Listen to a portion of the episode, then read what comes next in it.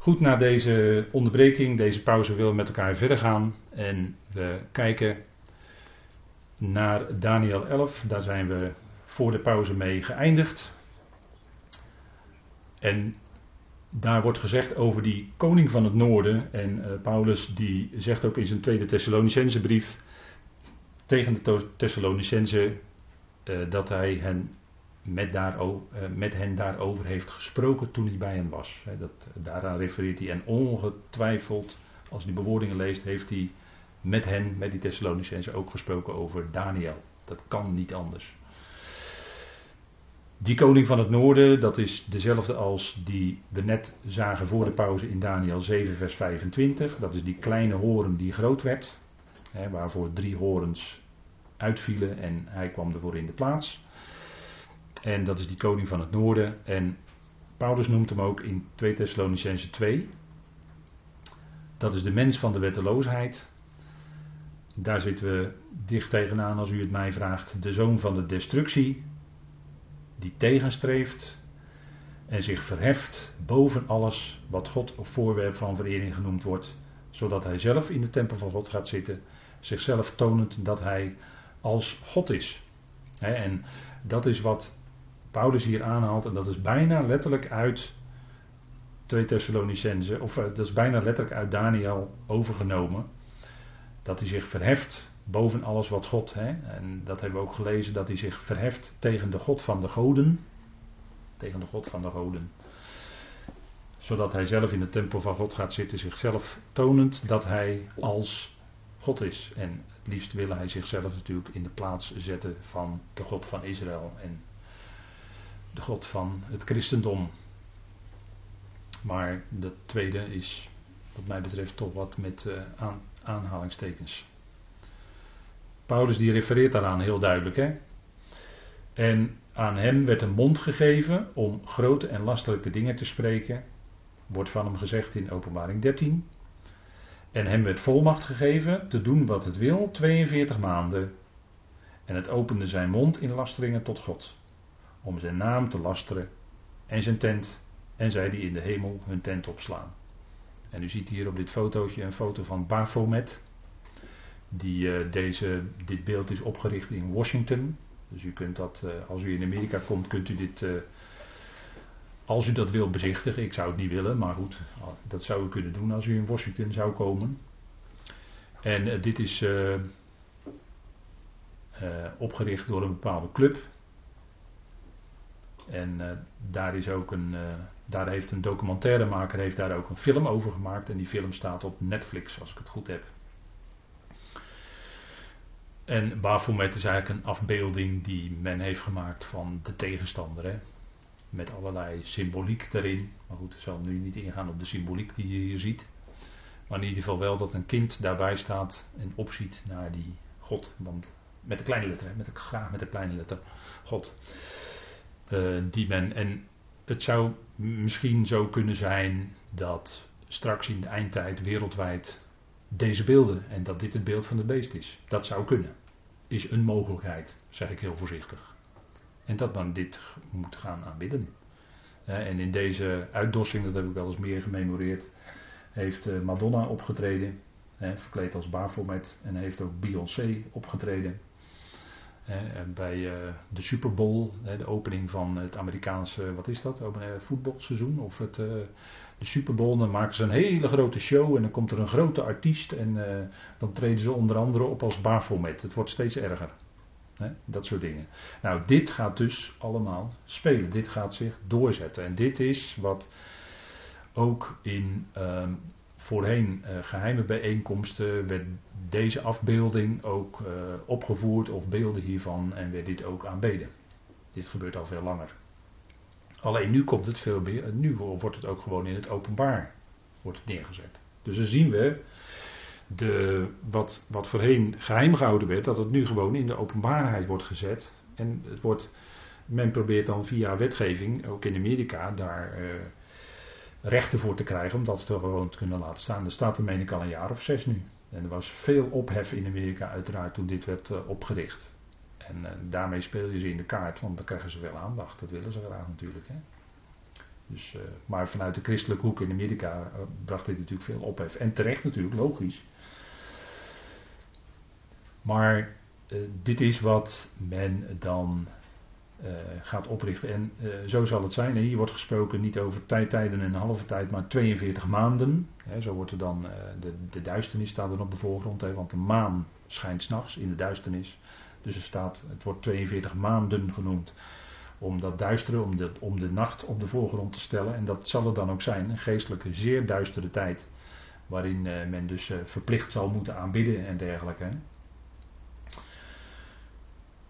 En dat is om God te lasteren en zijn naam te lasteren in zijn tent. En dat kan natuurlijk niet doorgaan. Daar moet natuurlijk het gericht op komen. Dat, dat gericht komt ook. Maar het centrum hiervan, het centrum van die aanbidding zal Babylon zijn. Hè? Het geluid van een schreeuw van Babylon, een grote uitbraak van het land van de Galdeën, want Yahweh verwoest Babel en hij vernietigt haar. Luide stem en hun golven weer klinken als vele wateren. Het tumult van hun stem verheft zich. verheft zich, of er staat eigenlijk is gegeven. Het tumult van hun stem is gegeven, staat er letterlijk. En die, die, die golven, daar moeten we natuurlijk denken aan de golven van wateren. En wateren in openbaring 17 wordt uitgelegd, dat zijn de volkeren, dat is de mensenmassa. De wateren die je gezien hebt, zegt die engel dan tegen uh, Johannes, dat zijn vele volkeren en talen en natieën, hè? zo staat het in openbaring, dat wordt uitgelegd. En zo zien we dat dat beeld wordt verklaard. En we zien datzelfde beeld ook bijvoorbeeld in Psalm 2, hè, waarin, uh, waarin gezegd wordt dat de volkeren die uh, woeden. Hè, en er wordt ook het beeld van de zee, eigenlijk van een, van een woeste zee, opgeroepen. Hè, Psalm 2. Er wordt hetzelfde beeld in feite opgeroepen. En in openbaring 17, daar wordt het uitgelegd in vers 15. En hij zei tegen mij: De wateren die u gezien hebt, waaraan, of waarop letterlijk de hoer zit, zijn volken, menigten, naties en talen. Dus dat is eigenlijk de uitleg van het beeld. Die wateren die Johannes zag, dat was een beeld. En dat staat voor de volkeren en de natieën en de talen van deze aarde. En daarom moet je denken als je dit leest. Hè. Yahweh verwoest Babel, hij vernietigt haar luide stem hun golven. En dan komen die golven van de volkeren die komen. Want zij zullen, zo staat in vers 16. En de tien horens die u op het beest zag, die dus de wereldmacht uitoefenen, die zullen de hoer haten en haar verwoest en naakt maken en ze zullen haar vlees eten en haar met vuur verbranden. En hier zien we dan dus het gericht over Babylon. Dat die volkeren zich dus gaan keren tegen Babel. En dus tegen datgene wat daar de macht uitoefent, dat is die stad. Hè, want die vrouw, die ontrouwe vrouw, die Johannes zag, dat was een stad. Hè, er wordt uitgelegd in vers 18, de vrouw die u gezien hebt, is de grote stad die de koninklijke heerschappij voert over de koningen van de aarde. En die stad, dat is Babylon. En die voert dan de heerschappij, zij het voor korte tijd, maar toch, over de volkeren van de aarde. En als ze dan doorkrijgen wat daar, hoe dat systeem dan gewerkt heeft en werkt, dan gaan ze zich tegen die stad keren en tegen die wereldmacht. En dan zullen ze de hele zaak vernietigen en verbranden. En dat zal dan gebeuren. Hè? Dat, dat beschrijft openbaring. Dus daar loopt het op uit. En dat is natuurlijk dan de verontwaardiging van God. Die dan die volkeren gebruikt om Babylon onder de voet te lopen en te vernietigen. En natuurlijk zal er ook vanuit de hemel zullen, zal het ook regenen. Zal het ook grote, uh, wat zijn het, enorme hagelstenen regenen. Waardoor ook een verwoesting wordt aangericht. En vuur. En dat doet dan denken aan de omkering van Sodom en Gomorra. Want natuurlijk Sodom en Gomorra is natuurlijk toch een vorm van een modelgericht. Zoals het daar gegaan is, zo zal het ook met in latere gerichten plaatsvinden. En zeker als het gaat om Babylon. En daarin werd door vuur en zwavel werd die hele zaak omgekeerd. En tot op vandaag de dag, als je daar komt, vind je daar de sporen van terug. Als je daar komt, en dat, dat is terug te vinden dat daar uh, enorme hitte is geweest en dat daar de hele zaak verbrand is, omgekeerd is met vuur en zwavel. Maar zo zal Babylon ook verwoest worden en zal daarna ook nooit meer terugkeren. Hè. Het zal definitief vernietigd worden. Komt de verontwaardiging van God komt over Babylon. Dat had niet alleen te maken met de enorme rijkdom die er was, maar vooral met de afgoderij die daar gepleegd werd. En daar komt de verontwaardiging van God over. En daar moet, daarom moet die zaak omgekeerd worden. Dus dat is wat gaat gebeuren. En hier zien we in feite ook mede daar een aankondiging van. Want een afbreker komt tegen haar op, tegen Babylon. En haar helden zijn verslagen, hun boog is gebroken. Want Yahweh is een God van beloning. Hij zal vergelden, ja, vergelden. En dan heb je weer die herhaling in het Hebreeuws, dat gebeurt heel vaak. En dan kun je goed vertalen met de constructie vergelden, ja, vergelden. En dat heeft dan enorme nadruk. En vaak in vertalingen zie je dan dat het vertaald wordt met zeker vergelden. Je ziet het ook bij, eh, als eh, tegen Adam en Eva wordt gezegd dat ze stervend zijn, dan staat er eigenlijk tot stervens toe zul je stervend zijn. Er wordt ook twee keer dat woord sterven gebruikt. Dat is diezelfde herhaling. En dan wordt er in de vertaling meestal vertaald met voorzeker sterven. Maar in het Hebreeuws heb je dan dus twee keer dat woord sterven. Dat is om nadruk te geven. Hè? Nou, dat woord vergelden, daar uh, is in de ene kant zit daar een terugbetaling in, een vorm van terugbetaling. En dat is waar we het eerder vanavond zagen, die wederkerigheid. En dan welzijn en vrede, hè, want het woord vergelden zit heel dicht aan tegen shalom. Hè. Ik heb hier de Hebreeuwse woorden opgezet, shalom en shalom. En die waf, die, uh, dat, is, uh, uh, dat kan ook nog een letter zijn die misschien weggelaten zou kunnen worden. Maar dan heb je in feite hetzelfde woord in het Hebreeuws. En uh, dat zit daar dan eigenlijk in. Hè? Want we hebben al aan de hand van diverse woorden gezien in het Hebreeuws dat, het, dat gerichten bij God correctief zijn. En dat die weer leiden tot herstel. Uiteindelijk, dat is Gods bedoeling ermee. Het is tijdelijk, een gericht is tijdelijk en ter correctie. Dat wat kwaad is, moet weggedaan worden. En wat dan blijft is, nou hier in dit woord, welzijn of vrede. daar, dat kwam in een. Uh, ooit heb ik over een. Uh, tijdje terug over een. ik weet niet meer hoe lang het geleden is. Over een psalm gesproken. Ik neem psalm 62. Die eindigt ook met dat woord. En toen kwam dat voor het eerst eigenlijk. drong dat tot me door. van. hé, hey, wacht even. Dat woord wordt hier gebruikt en het wordt vertaald met vergelden. Maar het zit eigenlijk heel dicht aan tegen het woord shalom. Welzijn, vrede. En dat is wat ook het resultaat zal zijn van het gericht. Dat er weer welzijn komt dat er weer vrede komt. En dat is ook wat na het gericht over die volkeren, vijandige volkeren, waar Jeremia toch wel aardig vol mee staat. niet alleen over Babylon, maar ook over Moab, over Egypte, over Filistea, over noem maar op. Heel veel gerichten worden aangekondigd, maar het is om te komen natuurlijk tot de tijd van het koninkrijk, de duizend jaren, wat een tijd zal zijn van welzijn, van shalom. Dus dat zit in dat dat, dat zit al in dat vergelden eigenlijk opgesloten zou je kunnen zeggen. Dat is eigenlijk wel heel mooi dat het zo uh, daarin in feite al zit. Ik zal haar vorsten, hè, let op dat ik zal, hè, wat de Heer zegt, ik zal, ik zal haar vorsten en wijzen dronken maken. Haar gouverneurs en haar aanvoerders en helden.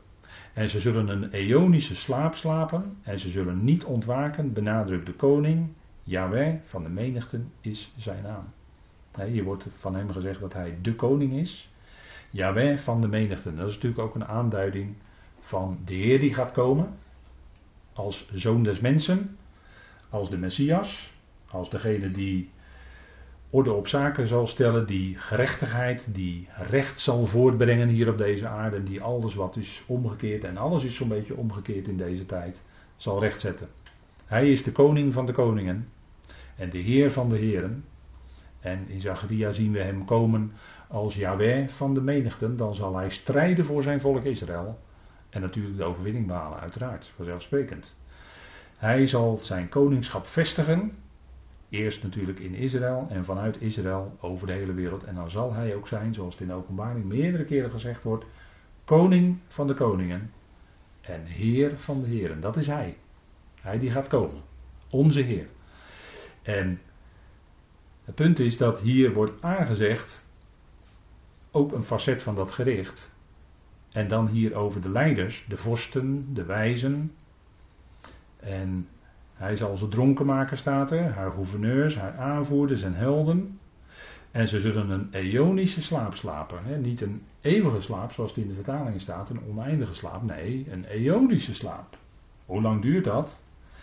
Nou, voor de eonen. Totdat zij weer gewekt zullen worden uit die slaap. Er staat bij, zij zullen niet ontwaken. En de vraag vanaf, hoe lang? Nou, voor de eon. Eonisch. Niet voor eeuwig, maar eonisch. Dus je ziet, de ene zin legt de andere uit. Hè? En zij zullen opstaan bij de grote witte troon. Maar dat is wat Johannes verder laat zien in openbaring. Daar zullen zij weer opstaan. opstaan. Ook diegenen die toen de tijd gesneuveld zijn. Toen Babylon werd ingenomen. Maar meestal konden de leiders dan blijven zitten. Want Daniel kon ook blijven. Maar in de eindtijd zullen de leiders daar zullen omkomen. En zij zullen niet opstaan. Hoe lang? Nou, voor de Aion, tot aan de grote witte troon. Ionische slaap, klopt precies. En slaap is natuurlijk een mooie beeldspraak voor de dood. Het is alsof je slaapt. Ze zullen niet ontwaken. Nee, dat zal niet meer gebeuren. Totdat het moment daar is dat die grote witte troon. En dan zit het natuurlijk in openbaring 20. En daar worden zij gericht naar hun werken. Dat gericht komt dan nog over hen persoonlijk, individueel. Yahweh Zebaot. U ziet het ook hier op dit plaatje erboven hè, in, het, in Hebreeuwse letters. Yahweh. En hier dan gerechtigheid. Hè. Tzadikim. Yahweh die gerechtigheid brengt. En Yahweh van de menigte is dan op dat moment zijn naam. Dat is dan Yahweh in zijn, laten we zeggen, zijn oorlogsgestalte. Zijn gerichts, waarin hij oorlog voert voor zijn volk. Yahweh van de menigte. Yahweh Zebaot, die talloze menigte kan oproepen. En ze zullen dronken gemaakt worden. Dat is ook een beeld wat we natuurlijk vaker hebben gezien. Dat is wat we ook bijvoorbeeld vinden in uh, openbaring 18. Even met u lezen. Als, als daar het gericht komt over Babylon. Daar hebben die dronkenschap. Want van de wijn van de toren van haar hoererij, hè, dat is van Babylon, hebben alle volken gedronken. En de koningen van de aarde hebben hoererij met haar bedreven. En de kooplieden van de aarde zijn rijk geworden door de kracht van haar losbandig leven. Nou, dat wordt dan in beeldspraak gezegd van die stad Babylon. Hè? Ze zijn daardoor dronken gemaakt. En dat is wat hè, met, uh, met macht en uh, het hebben van macht worden leiders dronken gemaakt, als het ware, in een beeld gesproken. En zij worden daarmee hè, uh, zo begeesterd en ze komen in een soort roes. En dan zullen ze daaruit, daarin ook, als het gaat om Babylon, letterlijk omkomen. En dat beeld van de dronkenschap hebben we wel vaker uh, gezien, ook in uh, Jeremia. Hè. U kunt dat uh, ook bijvoorbeeld um, terugvinden in Openbaring. En dan gaat het om Openbaring 14, kun je misschien ook even erbij pakken. Openbaring 14. Dat is hetzelfde wat in feite gezegd wordt hè, over de val. En een andere boodschapper volgde die zei: Zij is gevallen. Zij is gevallen. Babylon de Grote. Omdat zij alle volken van de wijn van de toren van haar roererij heeft laten drinken. En dat is hoe de volkeren misleid werden, en met name de leiders van de volkeren ze werden misleid met rijkdom. Want als je in hun dienst staat, dan word je, eh, dan word je doorgaans word je wel rijk. Dan worden je zakken goed gevuld. dat kun je vaak bij eh, leiders wel, eh, die eerst een bepaalde functie hebben gehad, die krijgen dan later een prachtig mooie banen waarin ze heel veel geld verdienen. Nou, dan hebben ze hun functie vervuld. En daarmee worden ze in feite, met die rijkdom, wordt iedereen dan als het ware dronken gemaakt. En moeten ze dan in de eindtijd, en dat zal dan verplichtend worden, nogmaals aanbidden. Want het zal niet alleen zijn politiek je onderwerpen, maar ook daadwerkelijk aanbidden. Daar gaat het naartoe. Maar dat gericht komt en zal niet, zeker niet, uitblijven. Hè?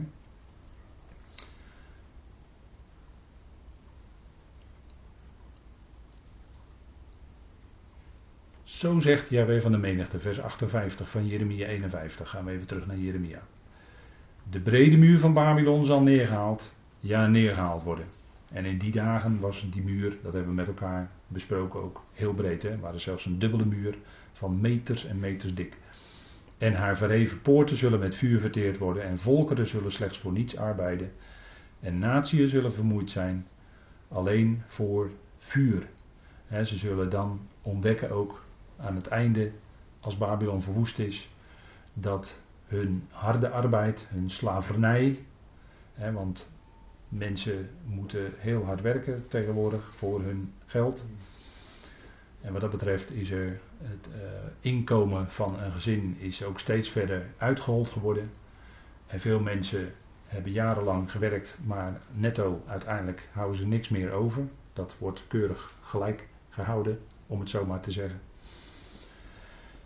En ze moeten veel werk verrichten en ze zullen dan ook ontdekken dat het eigenlijk voor niks was.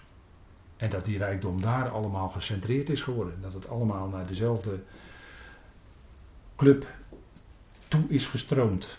de rijkdom van deze wereld. Dat het in handen is van een relatief kleine groep mensen. Er zijn een aantal multimiljardairs in deze wereld, maar dat zijn er niet zo heel erg veel. Maar die hebben wel heel veel bezit. En soms eh, bezit één multimiljardair meer dan het bruto nationaal product van een heel land. Zo rijk en zo zo rijk kunnen mensen worden en zijn in deze tijd. En zo groot zijn de verschillen, zo diepgaand. En die zijn alleen maar in de laatste twintig jaar toegenomen. En het neemt alleen maar verder toe, die verschillen. En de volkeren moeten steeds harder werken voor hun inkomen, voor hun brood. En dan zullen zij zien hè, dat dat aan, aan het einde, die enorme rijkdom, dat dat daar dus gecentreerd is geworden. En dan zal het in één klap ook vernietigd worden. En vandaar dat hier staat, en de volkeren zullen slechts voor niets arbeiden en de natieën zullen vermoeid zijn. Want de volkeren zijn moe gestreden, moe ook in deze tijd, moe van alle dingen die steeds maar over hen komen. Dan is het deze crisis. En als het niet de financiële crisis was, dan is het wel een klimaatcrisis. En als die crisis niet is, dan is er wel een virus wat rondgaat. Wat ook weer een nieuwe crisis is. En de mensen worden daar op den duur natuurlijk gewoon moe van. Dat is heel logisch. Steeds maar weer. Ze zullen vermoeid zijn. En dan zullen ze eindelijk, en dan zal het ook hoogtijd zijn. En dan zullen ze eindelijk tot rust komen. Shalom, welzijn. Dan zullen de volkeren tot rust komen in de komende duizend jaar. Dan breekt de Shabbat aan. De zevende dag. De zevende duizend jaar. Dan wordt het rust. De rust die de Heer gaat brengen. Dat zit ook in dat woord Shabbat, dat is wel heel mooi. En dat is eigenlijk stoppen. En dan is het stoppen en dan is de vermoeidheid voorbij. We gaan even lezen in het slotgedeelte van Jeremia 51. En daarmee ronden we Jeremia af. En dan gaan we terug naar openbaring. Jeremia 51, de slotversen, die wil ik dan met u lezen. En ik heb hier wat betekenissen van namen opgezet in, op deze dia. Maar ik ga hem even met u lezen vanuit de herziene statenvertaling. Het slotgedeelte waarmee dit hoofdstuk wordt afgerond. En dan lezen we even met elkaar vanaf vers 59. Het woord dat de profeet Jeremia als opdracht gaf, gaf aan Seraja, de zoon van Neria, de zoon van Machsea, toen deze vanwege Zedekia, de koning van Juda, naar Babel ging in het vierde jaar van zijn regering. Seraja nu was kwartiermeester. En Jeremia schreef al het kwaad, al het onheil, letterlijk staat er kwaad, dat over Babel zou komen, op een boekrol. Al deze woorden die geschreven zijn tegen Babel. En Jeremia zei tegen Seraja, zodra je in Babel komt, zul je bezien en al deze woorden voorlezen. Want Jeremia kwam zelf niet in Babel. Jeremia is met twee dochters van koning Zedekia, met nog een andere groep, gevlucht naar Egypte. Staat ook in de schrift ook, kunt u terugvinden. Maar goed, aan u is dat dan om dat eens even na te zoeken waar dat nou toch staat. Maar Jeremia is ook weggegaan uit het land, want eh, het land werd verwoest. Hè, Jeruzalem werd verwoest, de tempel werd verbrand enzovoort. Hè, de, alles, dus zij moesten ook vluchten. Maar Jeremia vluchtte naar het buitenland en kwam in Egypte terecht. Dat is toch ook wel weer een, andere, een ander verhaal dan Daniel. Daniel kwam aan het hof in Babylon en bleef daar ook, ondanks machtswisselingen. Maar die bleef daar. En zoals zo vaak was er een hooggeplaatste Joodse vorst aan het hof. En waar hebben we dat vaker gelezen? Misschien bij Esther, misschien bij Jozef. En werden daar, waren daar dan niet ook allerlei wonderlijke gebeurtenissen? Waar het bleek dat de God van de hemel eigenlijk de zaak in handen heeft. En zijn volk gebruikt. Ook aan het hof. Van een vreemde mogendheid, van een vreemde koning enzovoort. Dus ook Daniel, hè. Maar goed, we gaan even verder. We lezen in Jeremia 51, vers 62. En zeggen, Heer, Jawel, u hebt zelf over deze plaats gesproken dat u hem zult uitroeien, zodat er geen inwoner in is, van mens tot dier, maar dat zal worden tot eonische woestenij. En dat wordt gezegd over Babel. Wordt hier geprofiteerd. En deze voorzegging is nog nooit vervuld geworden, maar die zal vervuld worden als de tijd daar is. En dat is nog toekomst. Want Babel als plaats, en het is in de loop van de tijd wat een stuk kleiner geworden, maar Babel in zijn geheel is nog nooit volkomen verwoest geworden. Er is altijd een kleine plaats Babel waar mensen woonden geweest. Dus deze profetie die we hier lezen in vers 49 of vers 62 is nog nooit vervuld geworden. Dus dat gaat nog in de toekomst gebeuren. Want dat is Gods woord. Hè? Als hij een woord spreekt, is het tegelijkertijd een daad. En dat kan heel lang duren, maar het gaat een keer gebeuren. En dat wordt dan in openbaring verder uitgewerkt. Dan zal het gebeuren zodra u het voorlezen van deze boekrol beëindigt, dat u daaraan een steen zult binden en hem midden in de uivraat zult werpen. Nou, symboliek hè. Dan moet u zeggen, zo zal Babel wegzinken en niet meer bovenkomen vanwege het kwaad dat ik erover zal brengen. En zij zullen afgemat zijn. De mensen zullen afgemat zijn. Tot zover de woorden van Jeremia.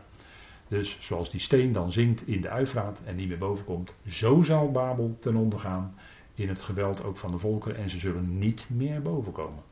Het zal definitief verwoest worden. En wordt hier aangezegd, hè, Jeremia. Deze profetie moet nog in vervulling gaan.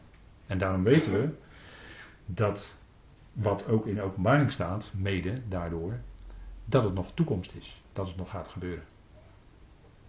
De stad moet nog verder uitgebouwd worden. Maar de verwoesting is al aangezegd. En dat weten we op grond van profetie. En dat is Gods woord, dat is uiterst betrouwbaar. Hè? Goed, dat was voor wat Jeremia betreft. En ik zie dat het inmiddels uh, tijd is geworden, dus ik denk dat we het hierbij laten voor vanavond. Dan gaan we de volgende keer verder in Openbaring 18. En zullen wij de Heer danken. Vader, wij danken u voor deze avond die u ons hebt willen geven. We danken u dat we ons mochten verdiepen in dat profetische woord van u, waarvan we weten dat het zeer vast is en dat het schijnt als een licht in een duistere plaats. We danken u dat het voorzegt wat in de toekomst gaat gebeuren. En vader, dank u wel dat het woord zo enorm betrouwbaar is. Dat we in deze tijd waarin via allerlei media zo ontzettend veel berichten op ons afkomen. En wat is waar en wat is niet waar. We vragen het ons af. Maar uw woord is betrouwbaar. Daar kunnen we met beide voeten op staan. Dat is die rots onder onze voeten. Ja, Heer, u bent zelf in het beeld gesproken die rots waarop we kunnen staan, waarop we ons leven kunnen bouwen, waaruit we leven uit dat woord. En dank u dat u het ons in genade hebt geschonken, dat we dat evangelie van Paulus zijn mogen gaan verstaan. Dat er heil is en uitzicht is en redding uiteindelijk voor alle mensen. Vader, dank u wel voor dat evangelie, voor dat goede nieuws. Dank u wel dat we dat steeds mogen uitdragen. En tegelijk ons bij tijd en wijle mogen verdiepen in dat profetische woord. Vader, wat zo veel zegt. Vader, wat goed is om ermee bezig te zijn. En vader, bovenal dank u voor uw trouw, uw bewaring. Elke keer weer. Bewaart u ons, Vader, in deze tijd. Waarin zoveel gebeurt. Vader, waarin we ons leven mogen leven in onderschikking aan dat wat u zegt. Vader, we danken u voor uw goedheid en trouw, ook voor wat we met elkaar hier konden bespreken. Dank u wel dat u met ons meegaat.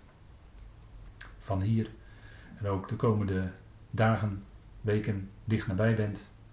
We vertrouwen op u. We danken u daarvoor. In de machtige naam van uw geliefde Zoon, onze Heer Christus Jezus. Amen. Tot zover.